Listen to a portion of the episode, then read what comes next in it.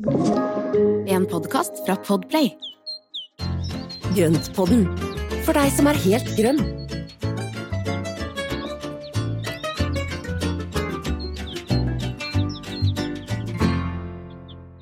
Du Espen, vet du hva? Jeg syns uh, ukas episode, eller denne episodens tema um, Jeg har bare lyst til å fortelle hvordan det begynte. For det Mm. var jo uh, Jeg leste på Instagram et, uh, et story, var det vel, med en svensk influenser som bare har en fantastisk hage. Hun heter Krikkelin på Instagram og heter Kristin Lagerkvist og holdt til nede i Vareberg. Og hun har drivhus, basseng, masse sommerblomster, alt er helt nydelig. Og sånn, sånn utenfra så ser det ut som alt er på stell, men så er hun også så fin, og hun deler liksom på Hun deler nyansene i livet, da, kan du si.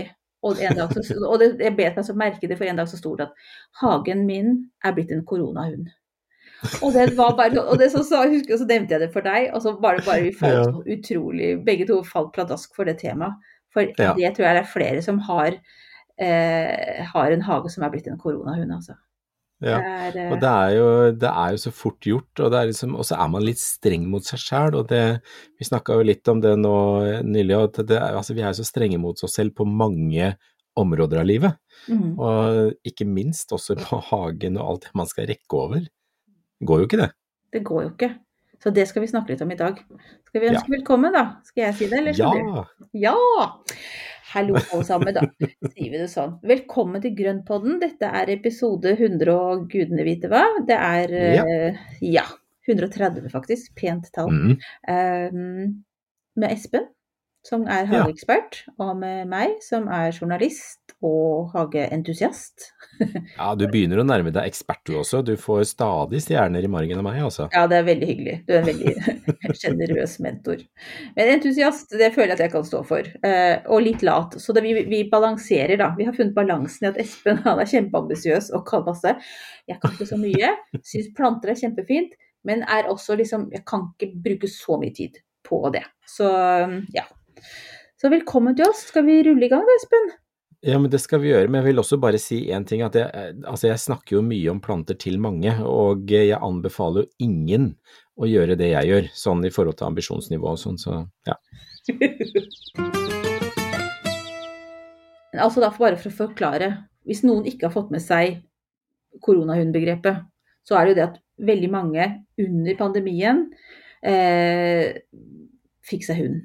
Og så kom hverdagen tilbake igjen, og så var det litt mer stressende å ha hund når man skulle til- ut på jobb og man hadde plutselig eh, kunne reise og fritidsaktiviteter og livet ble litt mer som normalt igjen. Ja. Og det samme var det jo med denne hagen da. Det, hageinteressen blomstret jo enormt. Det var jo allerede liksom på vei opp. Men med pandemien så var jo altså hagesentrene øh, og alle som solgte frø og løk og alt mulig sånne ting, fikk jo en enorm pågang. ja. Eh, og sånn i etterkant så, så kan det være litt vanskelig hvis man da liksom har eh, lagt seg på et eh, høyt nivå, så kan det være vanskelig å holde det ved like. Eh, når man da plutselig har lyst til å ta denne ferieturen, eller gå og spise middag, eller ta gudene vite hva, altså gå på kino istedenfor å, å luke i bedet. Luking skal vi Mm. uansett ikke gjøre, Espen. Nei, det skal vi ikke gjøre nei, mye av. Nei, Så- det- så det var et dårlig nei. eksempel. Men det er jo også en ting med, med Altså en ting er hage og uteplantene, men det er jo også veldig mange som gikk på den grønne bølgen inne. Ikke sant? Så det er jo da eh, veldig, veldig mange, inkludert meg sjøl, som har liksom kanskje noen hundre potteplanter inne. Eh, og det er jo også en del jobb med å stelle og stulle på alt dette greiene her, og, Mm. og det å få håndtert alt det. Eh, og når vi da, sånn som er på jobb, jeg tenkte litt på det her om dagen, at man bruker gjerne to-tre timer altså på reisevei til og fra jobb hver dag. Og det er jo timer som man da under koronatiden med hjemmekontor kunne bruke hjemme. Når du er ferdig på jobb, så var det bare å gå rett ut og begynne Mm. å jobbe ute. Mm. Uh, og det betyr at da hadde man jo to-tre timer ekstra per dag som man hadde til rådighet. da. Mm. Kanskje derfor så mange egentlig kunne tenke seg å ha to-tre dagers hjemmekontor. Fast ordning. Det er Mm. undersøkelser som viser det. Det, det kan Ja. være det. For da kan man jo f.eks. i lunsjpausen ta litt hagearbeid istedenfor å sitte og spise i en kantine. Ja, strekke på beina. Men jeg ser jo det på meg sjøl at de dagene jeg har hjemmekontor, så er det jo mye enklere å da si at vet du hva, nå er, nå er arbeidsdagen ferdig, ta på seg arbeidstøy, gå ut og få luft og begynne å bevege på seg og holde på med en gang, istedenfor å tråkle seg gjennom byen på en sånn trang, tett buss med masse fremmede folk. Nei, vet du hva, mye bedre å gå rett ut i hangaren. Absolutt. Da har man jo mer energi igjen også enn at man sitter på denne bussen, og så blir man Ja. skrubbsulten, og så må man ha med seg noe mat, og så plutselig så er det gått enda en time, og så er det mørkt, og så ja. Mye, nei, vet du hva, det er mye negativt. positiver også. Da. Ja da. Det er veldig hyggelig å være på kontoret og da treffe kolleger og gjøre sånne Absolutt. ting også. Så. Ja, er helt klart. Vi skulle ikke snakke om det, da. Vi skulle ikke snakke, vi skulle ikke snakke ned eh, postpandemitid. Det var ikke det som var meningen. Men eh, heller da vi skal Etter hvert i denne episoden skal vi komme fram til noen tips. Men jeg hadde egentlig lyst til at vi bare skulle snakke først liksom om hva som egentlig skjedde under pandemien med hageinteressen. For, det, for det, det har ikke du og jeg egentlig snakka så mye om. Men det, var, det er jo utrolig altså, Kunne ønske at, og kanskje noen har gjort det også, men forskning på det. Eh, Mm. Hvordan det var i Norge. Jeg vet jo at jeg fant, eh, jeg fant flere internasjonale undersøkelser, bl.a. en som som jeg tror Den var internasjonal, det var blant Australia og, og Tyskland og litt sånn forskjellige forskere rundt omkring som hadde samla seg til en, en eh, Hva heter det? En, en studie? Rapport. En rapport. Ja, studierapport. Ja. Og den, eh, og den der sto det jo det bl.a. at eh, mange da plantet det En ting var jo det at de eh, det ga det, Du kunne være kreativ i hagen, ikke sant? Du, du, Mm. du, kreativitet er jo en positiv følelse, du får energi av det og sånne ting. Og mange følte seg jo altså veldig begrensa, man var, det var utrygg. Så det å gå ut i hagen da og kunne leke seg litt og gjøre noe som, som ga resultater og sånn, det var viktig.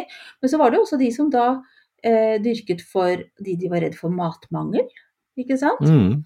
Og så var det også det eh, var jo fortsatt allerede klimaendringer og sånn, vi var jo bevisste på det også før pandemien.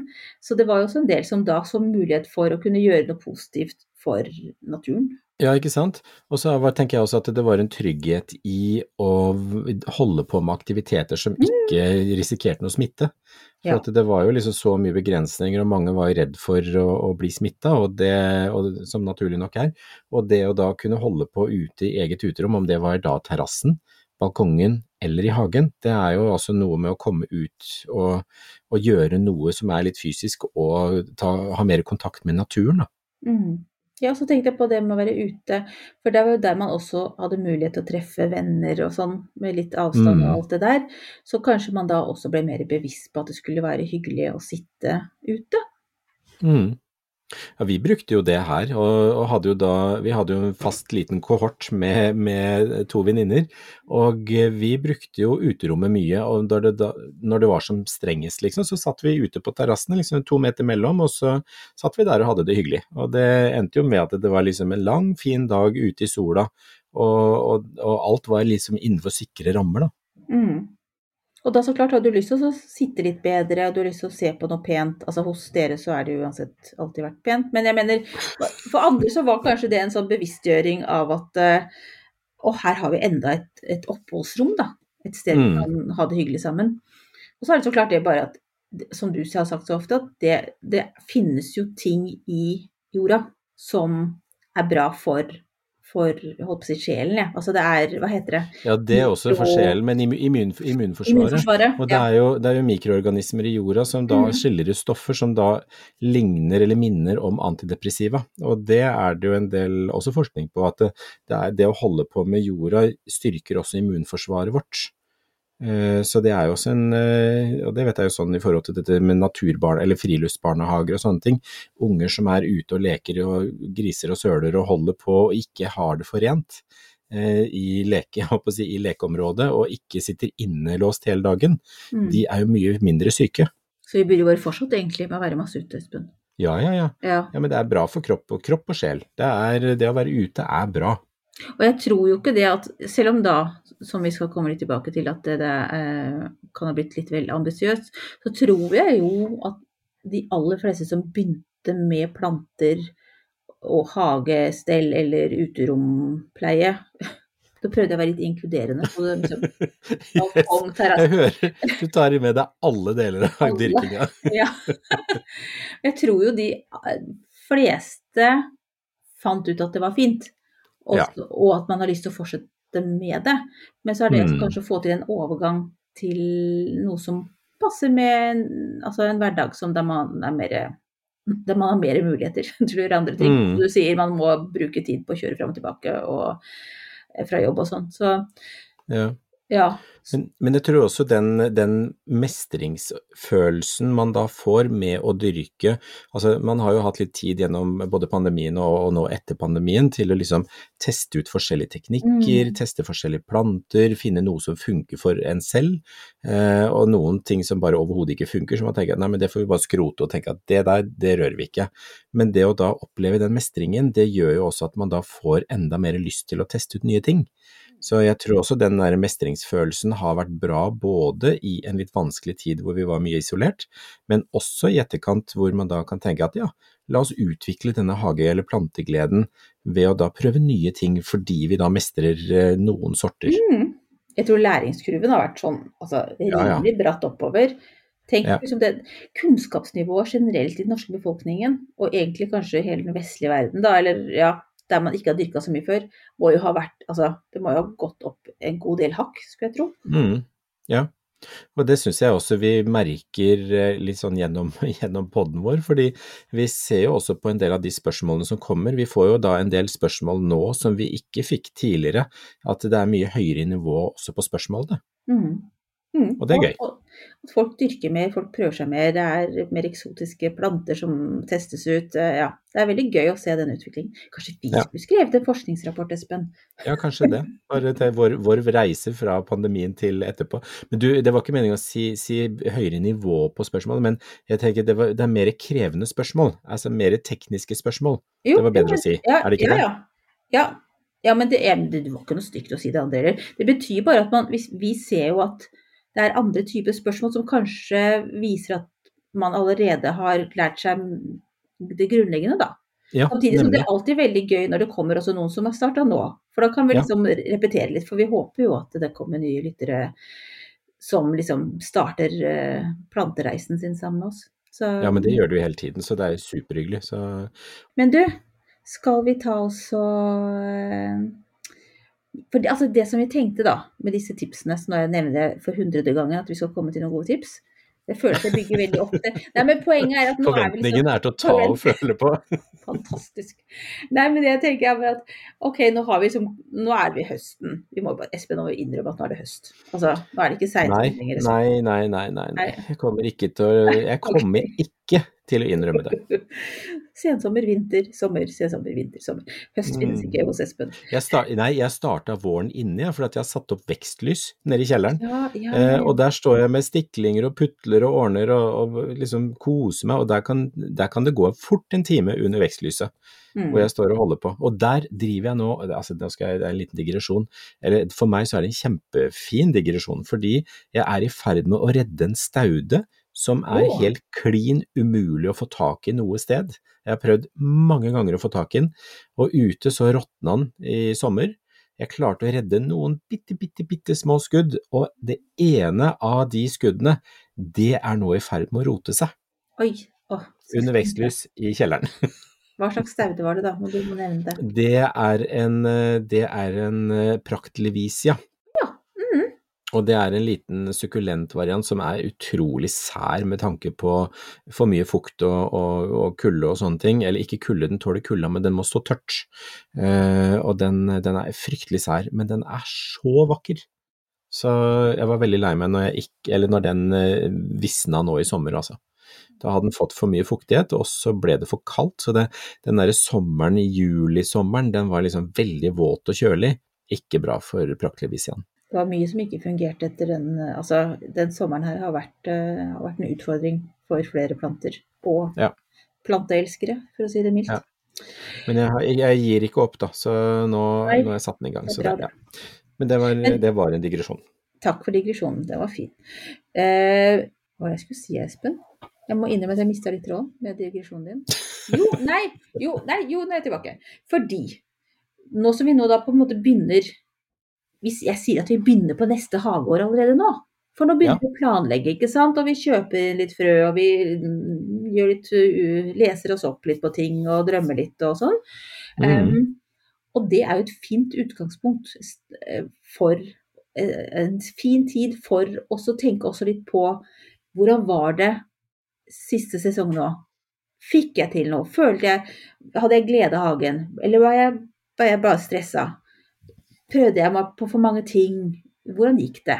Og hvis man Mm. føler at ja, det skulle ønske på en måte at jeg hadde like god tid som jeg hadde under pandemien, så kanskje man skal ta en fot i bakken og gjøre noen justeringer. Og det er det Mm. vi, vi tenkte vi skulle komme med noen tips om.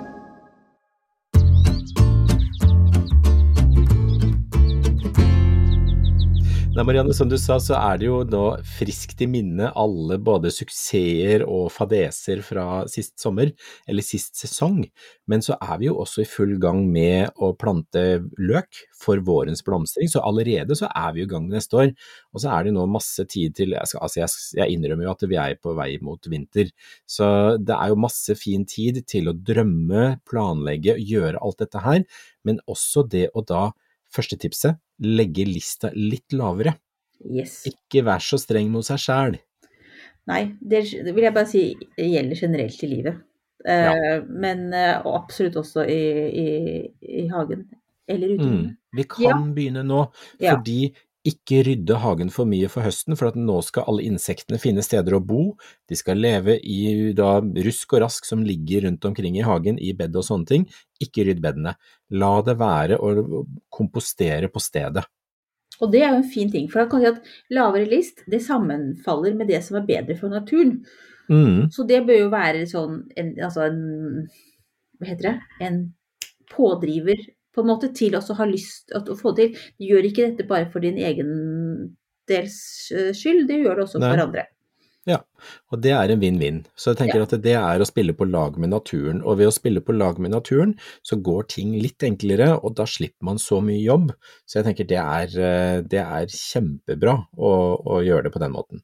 Mm. Og så rett og konkret så kan jo en lavere list, i tillegg til da å ikke rydde for mye og sånn, det kan jo så da være Nå snakker jeg kanskje litt for meg selv, til meg selv. Altså, dyrk færre sorter. Eller sats på enten blomster eller grønnsaker. Altså, um, det er ikke alltid man rekker alt man har lyst til. Og da må man Jeg vet Nei, du kan ikke se sånn ut, Espen, for du, du, kan ikke, du kan ikke tipse noen om det, for du klarer aldri å gjennomføre det. Sånn, Nei, jeg vet. ja, jeg så, så jeg du klarte lyst til en sprakk av å ha lyst til å si noe annet. Men det tenker jeg fortsatt er et godt tips, at hvis du selv om du syns det er kjempe... Jo, eller ja, hvis du syns det er kjempespennende med tomater, ja, men kanskje det er der du skal legge inn støtet, da. Og kanskje Mm. ikke også skulle ha bukettbed og eh, masse annet. Altså, Mm. Man må ta utgangspunkt i seg sjøl. Og så kan man, eller så får man være kjempeambisiøs, og så får man heller da eh, godta at ikke alt fungerer, da. Mm. At man ikke blir kjempelei seg og føler at man er verdens dårligste gartner eh, hvis man gaper over for mye. Eller så kan Mm. man holde på til langt på natt, sånn som Espen gjør, men da er vi jo egentlig da tilbake til det vi ikke skulle gjøre nå. Men Espen hadde, Espen hadde jo på en måte en hage som var koronahund lenge før koronaen, men han er sånn. Eh, Ja, men eh, da skal jeg komme med et lite tips i denne sammenhengen, og det er jo da å velge planter som faktisk funker. Hvis du har et ønske om en del planter, så tenker jeg ja, jeg, jeg har kjempelyst til å ha masse fin hortensia, og så er man utrolig dårlig på vannet. Da er ikke hortensia planta for deg. Kanskje du da skal velge en annen plante som passer mer til ens egen både vannrutine og personlighet i forhold til dette her med stell og pleie og sånne ting. Og ser du at noen ting funker, så er det familier eller planteslekter som du kan satse mer på. mm. Og det er egentlig da den Da kommer jeg på neste punkt, uh, som er å være ærlig med deg sjøl, for det var egentlig det du sa nå. Mm. Hva er du Som du sier, glemmer du vannet? Da vet du som regel at du Hvis du det, det husker du jo. Da har du sett noen litt sånn slappe blomster i løpet av sommeren. Så da vet du at, det, at du ikke gjør det så ofte. Og så Ja. også det der med liker du å teste nye ting, eller eh, er du glad i noen gamle kjenninger? Altså, og er det sånn det er viktig for deg å føle mestring i hagen, eller syns du det er greit eh, at en fiasko da kan gi Altså det er lærdom i det, ikke sant. Det, jeg sliter jo med kjempeverbenaen. Eh, mens andre syns det kanskje er kjempefint at den ene året er lav, og da kan man tenke at den skal bli høy neste år, og neste år så blir den høy, men slank. Altså, Noen syns det er fint å kunne jobbe med det, mens kanskje andre syns det er liksom tegn på at man ikke skal holde på med den planta. Og så er det, altså, noen ganger så vil man ikke gi seg. Jeg tenker, altså ikke gi deg på tørre møkka, fortsett å dyrke kjempeverbena, for før eller er litt senere så kommer altså. du til å lykkes. Jeg kjenner at jeg er litt der nå, altså. Men jeg driver nå sånn jeg har jo veldig stor glede av at erteblomstene mine og blomkarsen at de trives hos meg. Ja, men de er så fine, de er jo vanvittige. Jeg gjør jo ingenting for dem, Espen. Altså, Den kjempeverbenaen får mye mer omtanke enn noen av de andre gjør. Men de, jeg må si at jeg, jeg, jeg har mer sympati for dem. Men kjempeverbena er litt mer sånn fanden sparke, jeg skal søren meg klare deg også. Så ja. Det var, nå ser vi bort fra hva jeg sa nå, for det hadde ikke noe med dagens tema å gjøre i det hele tatt. Det var jo helt feil. Du, du går jo litt mot dine egne anbefalinger og råd her. Ja. La meg si det sånn, jeg skal Men- bruke vinteren på å vurdere om jeg skal begynne med kjempeverbena igjen eller Ja, ikke. men jeg skal, Men- jeg skal lage en ny plante til deg. Ja, takk. Fordi at det er det. Jeg har funnet ut at frø er ikke noe for meg. Altså, kjempeverbena, frøene, den har jeg faktisk lagt til side. For det, Mm. jeg kan ikke gå inn liksom, i hagesesongen med et tap allerede liksom, i februar eller mars, eller når det er som de ser at det her blir ikke noe i år heller. Det er i januar. De bør sås i januar. Jo da, jeg vet det, men du vet, så, så venter man da, så har man liksom gjort både det ene og det andre, og så skal de begynne å gro, og så skjer jo ikke noen ting. Nei. ok, ja, tilbake til Moving on. moving on til alle de hyggelige tipsene våre. Jo, ehm, det går litt også på det å være ærlig, men enda mer som praktisk og konkret. Planlegg hagesesongen Mm. tenker jeg. Altså, hvis du vet at det er den lille tidspunktet i uka som jeg har tid til å holde på med hagearbeid det meste av tiden, så bør du kanskje ikke legge opp til en hage eller uteplass der du trenger to dager i uka, liksom. Altså, du må legge lista der det er eh, der du kan gjennomføre det. Mm. Og så tenker jeg også at det er greit å planlegge sånn eh, at du vet at ja, men her må jeg så, her må jeg gjøre ditt. Altså sånn større oppgaver som må på forskjellige punkter i løpet av sesongen. At man liksom setter av litt tid til det. Kanskje legger inn en påminnelse i kalenderen hvis man er litt glemsk. Så at man liksom Mm. får rydda litt tid til det, tenker jeg. Og så kan man heller slappe av innimellom der. Ja. Og da ha en høstånd og en vårånd, det er jo Ja. mulig. Og så si at man da har en eh, Vet du hva, nå har jeg to dager på våren, og så har jeg to dager på høsten. Da Mm. er det liksom shipshape å få ting på, på plass, og så er det å rydde ned etterpå.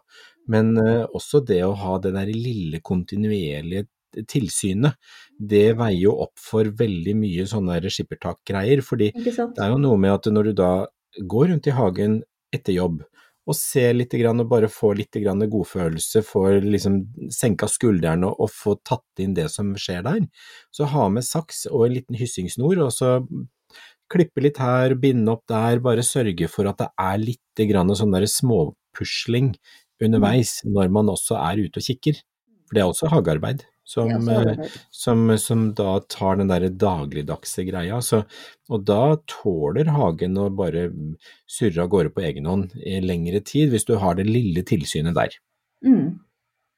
En annen ting med å planlegge er også det at hvis du veit at du er på hytta di i hele sommerferien, så kanskje du ikke da skal ha en hage som gir deg dårlig samvittighet for at da kommer alle de fine blomstene som du har dyrka, kommer akkurat Ja. du er bortreist, og du må ha noen som skal vanne og Altså legge opp litt realisme eller, Hva heter det? Legge opp litt realistisk eh, plan. Mm. Alternativet er også å fylle tellengeren og så kjøre med alle plantene på hytta. Ja. Da er vi tilbake til koronahund, men det går an Ja. hvis du vil. Ja. Ja. Mm. Jeg ser hva du hadde valgt. Du tar jo ikke til Trysil. Nei da. Tynset, Tynset er det. Tynset, Ja. ja. Nei, de blir ikke med dit. Men, eh, men det som er da, hvis vi skal tenke lettstelt, det er jo da stauder og busker. Altså busker og stauder som da klarer seg sjøl, så er det litt beskjæring. Det kan gjøres tidlig på våren, eller det kan gjøres på sommeren, eller det kan gjøres på høsten. Det er ikke så farlig, det er ikke så mye å rote med. Og staudene klarer seg sjøl, de kommer opp på våren, og så visner de ned på høsten. Og det er ikke noe mer jobb enn å egentlig, hvis man har lyst til å dele de en gang iblant, men det er veldig lite stell. Og man kan også plukke inn blomster med stauder. Altså blomster. Ja, ja, ja. Det er ikke, bør ikke være sånn ettårige som blir fine buketter. Plukke litt her og der. Mm. Og det er jo også sånn, hvis man går for stauder og busker og trær og sånne ting, da har man jo Da bygger man jo også en hage på lang sikt. Da mm. økonomien i det også. Da, det er jo en investering på en annen måte enn de ettårige eh, plantene. Mm. Og der må jeg si en ting, og det er jo da hvis du bygger opp en hage hvor du setter fokus på bladverk, eh, og det er jo da busker og stauder og, og sånne ting, altså flerårige vekster, og så setter du sammen de tingene som gir mest spennende kombinasjoner, mørkt og lyst, matt og blankt, stort og smått, ruglete, ikke ruglete, altså alle de der fasongene og fargene som du kan få inn, så får du altså en utrolig spennende hage kun med bladverk, og det krever veldig lite tilsyn. Eh, da er det bare klipping for justeringens skyld, men ikke noe mer. Så det er noe som klarer seg helt sjøl, altså. Og da kommer blomstene som et krydder på toppen, og da er det ikke noe vits. Altså, da kan du, ha, kan du sette inn sommerblomster eller det du har lyst til innimellom, og så har du noen blomster som kommer og går gjennom sesongen, men da er det liksom hovedvekten av, av lerretet, det ligger i bladverket. Et annet tips er jo å forlenge sesongen. Um, og da, og Vi har jo snakket om det før gjennom at man skal ta planter som begynner tidlig og slutter seint. Men i denne mm. sammenhengen her så tenker jeg da på det med å gjøre Altså legge en del oppgaver til utenom den tiden der det er mest, um, mest å gjøre med plantene.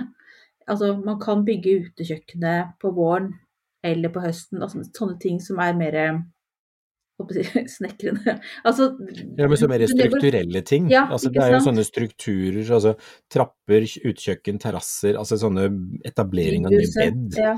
drivhus, ja. Så alle de tingene. Fordi at man, så man ikke gaper over for mye på en gang.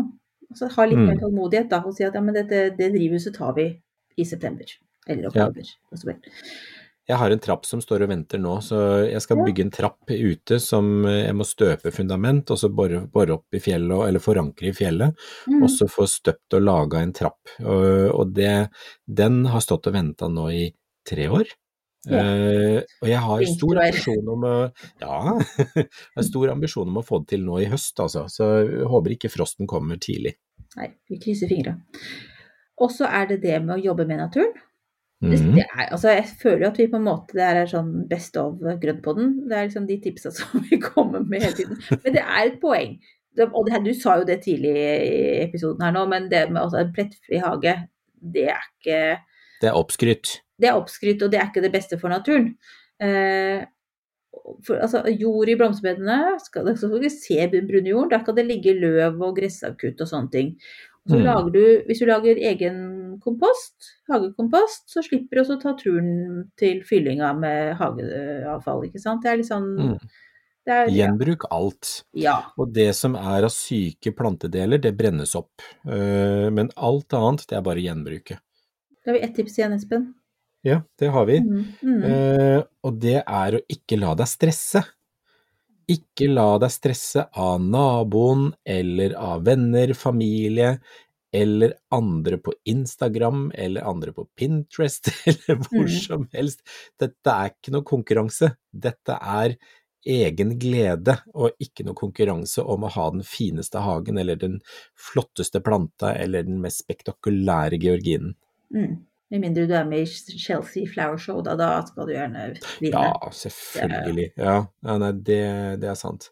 Og det er bare det altså, noen ganger så har man en tendens til å se på alle de fine glansbildene der ute i sosiale medier eller i magasiner og få inspirasjon, men jeg tenker at det er viktig at man ikke tenker på at man må være akkurat der.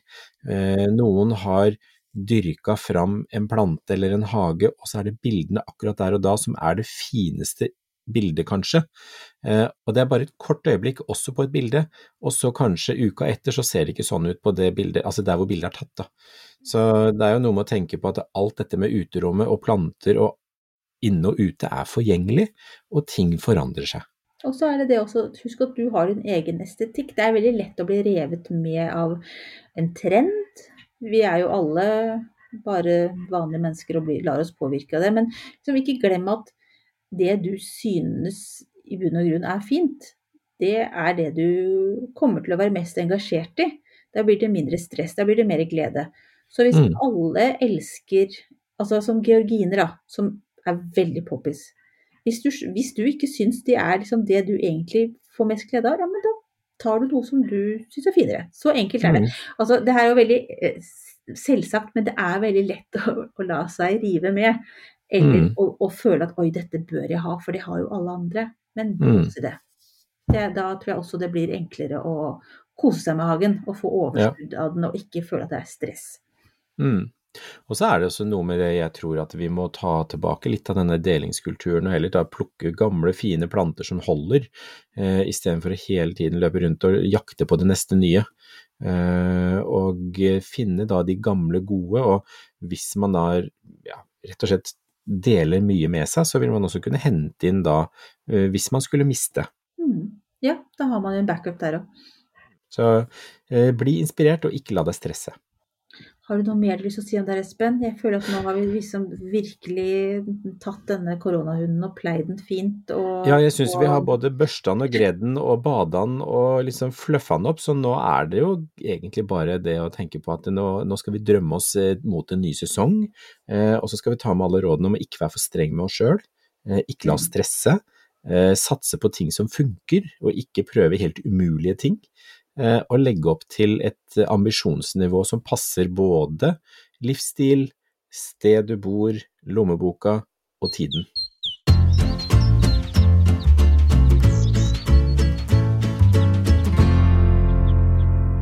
Da har vi lufta koronahunden og går videre til ukas plante, Ja. som du får lese opp navnet på.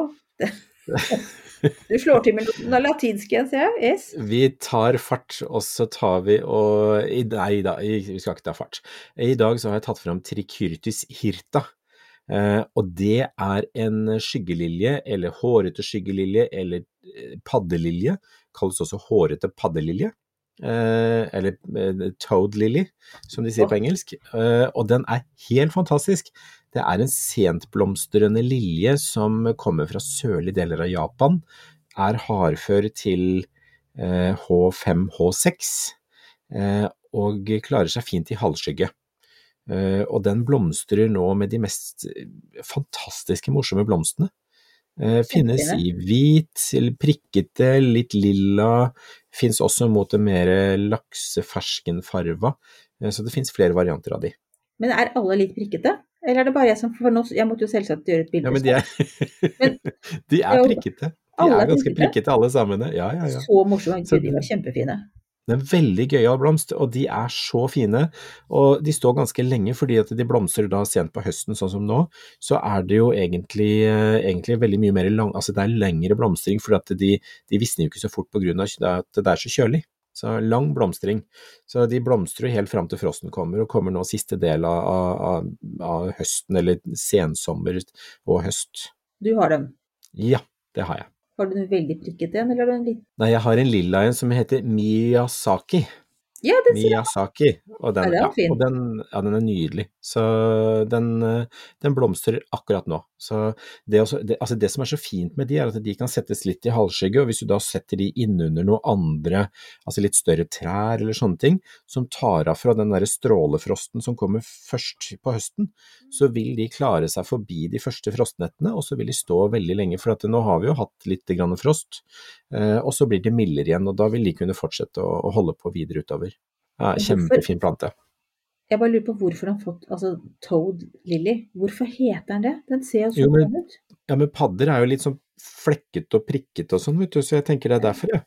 Ja. Ja. Så, og så er det litt hårete, og det er jo det, Altså, blomsten er jo litt hårete. Og er det Så, det, ja. ja. så de Jeg syns du kunne fått et penere navn, men altså padder er jo fine de også på sitt vis. Ja, men, skygge, vi lar- men, kall, men vi kaller den bare skyggelilje. Ja takk. Vi kaller den skygge. ja. Dette er en plante jeg virkelig kan anbefale, og klarer seg i store deler av landet. Så kjør på. Tricyrtis hirta. Nydelig. Ukens spørsmål eh, skal jeg lese opp her, for det var Ja. eh, litt langt. Det er fra Astrid, eh, mm. som takker for en nydelig podkast. Vær så god. Å, så hyggelig. Tusen takk. Eh, ja. Har vært tidlig ute med vintersåing av stauder og diverse sommerblomster. Startet for to-tre uker siden i Stavanger-området. Ja, det, var det var tidlig. Nå, nå har en del av frøene spirt. Både kornblomster og solhatt har satt i gang. Vi hadde nok et par varme dager med 14-15 grader som fikk dem til å spire. Hva skal jeg gjøre med disse brettene? Kan noe klare seg, eller må jeg starte på nytt med nye frø?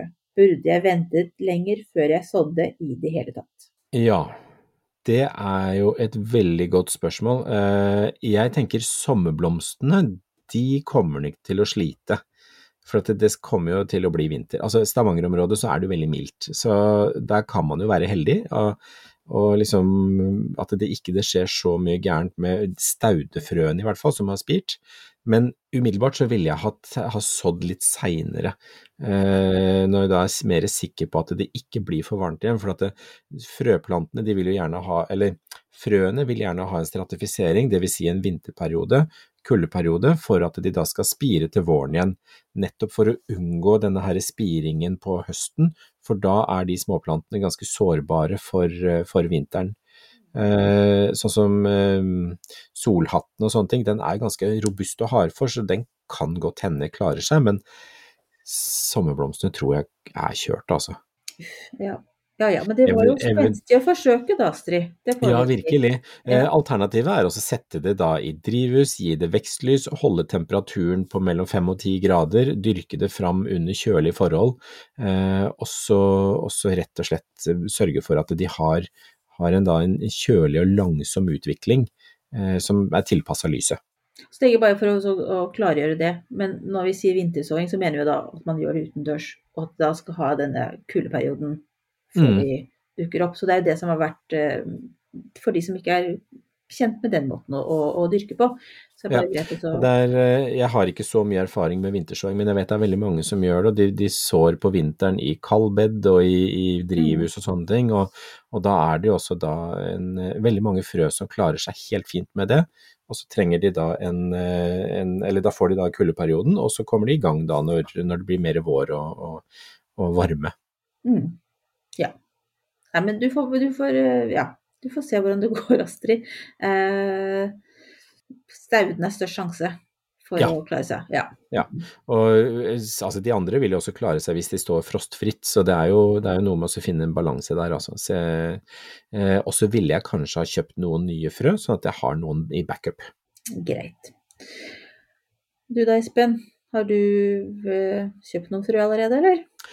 Nei, jeg har faktisk ikke kjøpt noen frø, men jeg skal jo ut og samle frø. Så jeg har jo da en klokkeranke som er smekkfull av, eh, av, eh, av frø, som, eller frøkapsler som henger bortover hele nå.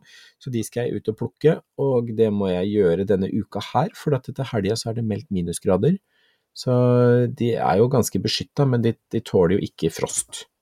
Eh, og så har jeg også tenkt å plukke inn klokke, nei, klokkeranke, sier jeg. Eh, så skal jeg også plukke inn blodbegerfrø. Eh, og så skal jeg samle sammen det, sånn at jeg har det til å så i, i januar. Og kjempeverbena til deg. Ja, tusen takk. Ja. Det er service. Ja. Så det er litt sånn uh, frøsanking, og så er det det siste inntaket av planter, altså, for jeg driver og, og rydder inn og trekker inn plantene. Uh, og så vurderer jeg å ta inn fiskene nå i helga. Så Mm. det å, å Nå har jeg klargjort tanken med ekstra skjælsand i bånn, altså knust skjell som da ligger i bunnen for å, å gi ekstra kalk til vannet. For at det er med på å buffre vannet i forhold til filterkollaps gjennom vinteren. Så det er en, eh, det er en veldig sånn en liten sånn grei buffer å ha, sånn at det, og så har fisken noe rot inne på bånn der, da. Mm, mm. Så, for de skal jo da inn nå før det blir for kaldt ute. Ja. Så det er litt sånn pusling fortsatt, ja. Du har liksom Ja. du, du har en omfattende hage og ja, trives med det, kan vi si. Ja, har- trives med det, så klager ikke. Så det, det, det, det, det går helt fint, altså. Men du da, Marianne, du ha, har du kommet i mål med alt som skal tas inn og sånn? Ehm, nei, altså det er litt mildere her, men jeg har jo begynt å gjøre det. Jeg tok inn uh, Åh, så helt stille. Jeg tok inn eh, Afrikas lilje, Ja. som jeg satte inn. Og så har jeg gjort litt, litt sånne andre ting. Som har, men det plantene har jo stått og kost seg lenge. Jeg syns jo det er hyggelig Mm. å se dem ute så lenge som mulig, de som jeg har, har eh, innvilget sommeropphold ute. Så, men nå er det på tide, syns jeg. Sånn at det Mm. ikke For jeg har ikke lyst til at du plutselig skal bli overraska at det er blir kjempekaldt en natt, og så står de der og fryser på tærne. Så, så jeg driver med det, pusler litt rundt. Vi, eh, du vet jo at den der fantastiske blåreinen, den eh, har jo tatt over et lite tre. Eh, Ja. og, og, og så er den jo så vakker at da klarer jeg liksom ikke å ta den mens den er vakker. Men nå har jeg altså renska gruelig opp i det treet, så nå er det ikke så mye blå, blårein igjen der. Men altså, den vokser jo overalt ellers, så det er ikke noe synd på den. Men, men det føltes veldig godt å bare få bort så mye. Plutselig så ser man det vakre treet, vet du. Altså det er virkelig Ja. Mm, Ja, så bra. Så trenger vi litt sånn lys inn, vet du, for det er rett foran kjøkkenvinduene. Så når det er veldig mye grønt, så blir det ikke så mye lys. Så. Det blir ganske mye altså, solskjerming der, og det er jo, de, altså, de kveler jo andre busker og trær hvis de Mm. får lov å herje fritt, altså. Ja, så det, jeg følte at jeg som da var litt sånn Da følte jeg meg litt som deg, Espen. Nei, nå gjør du en grundig jobb, jenta mi. Dette blir bra. Fram med saks, saks, Ja, saks og øks. Satt så godt at jeg måtte henge. Så for å få dratt det ned. Nei. Ellers så plukker jeg jo blomster, da. Jeg driver jo med disse bukettene mine. For jeg Ja. Det, det er jo så herlig at de fortsatt blomstrer. Jeg er jo Mm. Ja. Det dukker opp eh, dahliaer, og jeg syns de holdt på lenge nå, altså. Herlig. Ja, men det er veldig hyggelig.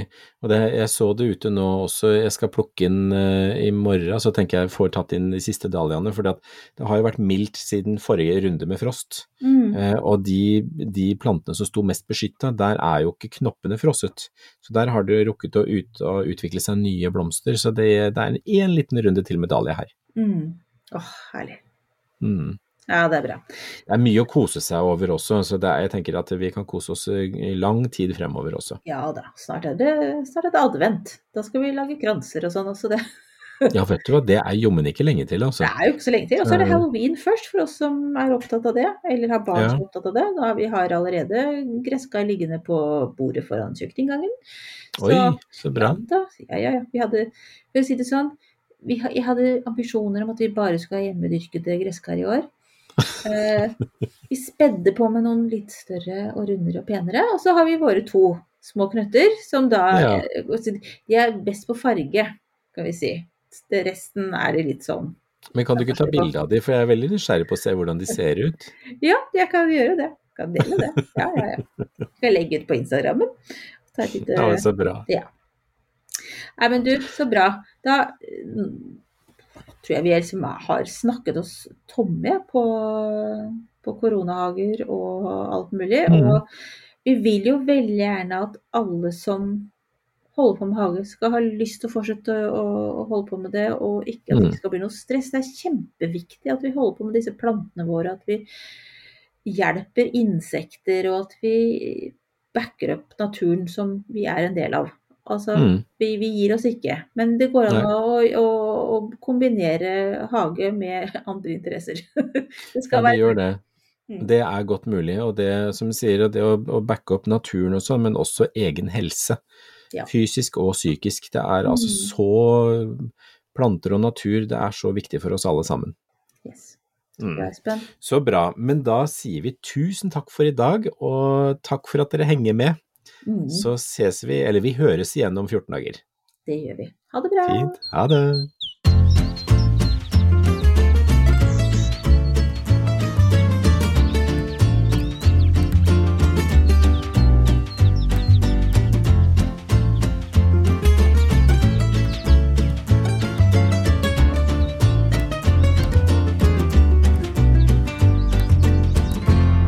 Du har hørt en podkast fra Podplay.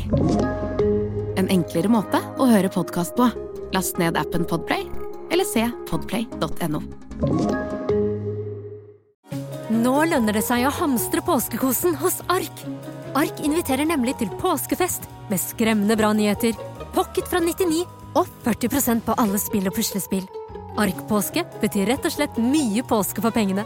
Så fyll opp med påskens favoritter i nærmeste Ark-butikk eller på ark.no.